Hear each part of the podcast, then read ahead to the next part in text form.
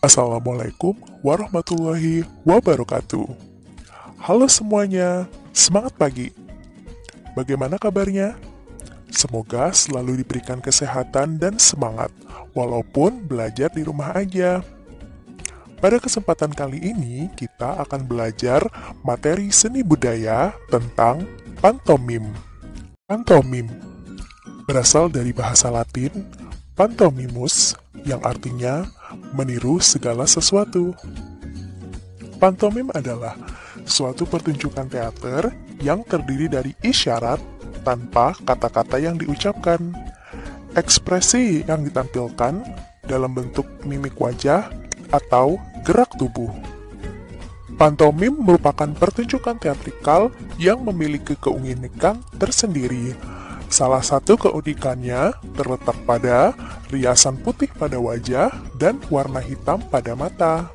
Selain itu juga biasanya didukung dengan baju kaos berwarna hitam putih bergaris, sarung tangan putih, dan topi hitam. Namun, banyak juga yang menggunakan pakaian yang polos sesuai dengan kebutuhan. Tampilan wajah atau make upnya biasanya dilebih-lebihkan, disesuaikan dengan emosi atau ceritanya. Riasan putih pada wajah dalam pantomim berasal dari badut. Riasan ini digunakan dalam pertunjukan pantomim untuk menekankan sifat karakter dan ekspresinya. Lalu cerita apa saja yang biasanya ditampilkan dalam pantomim? Nah, sumber cerita untuk pantomim bisa diambil dari peristiwa-peristiwa yang dijumpai di kehidupan sehari-hari, seperti aktivitas bangun tidur, makan, minum, tidur, dan lain-lain. Ada lagi contoh aktivitas yang berhubungan dengan alam, seperti kehujanan, kepanasan, terkena badai, dan kedinginan.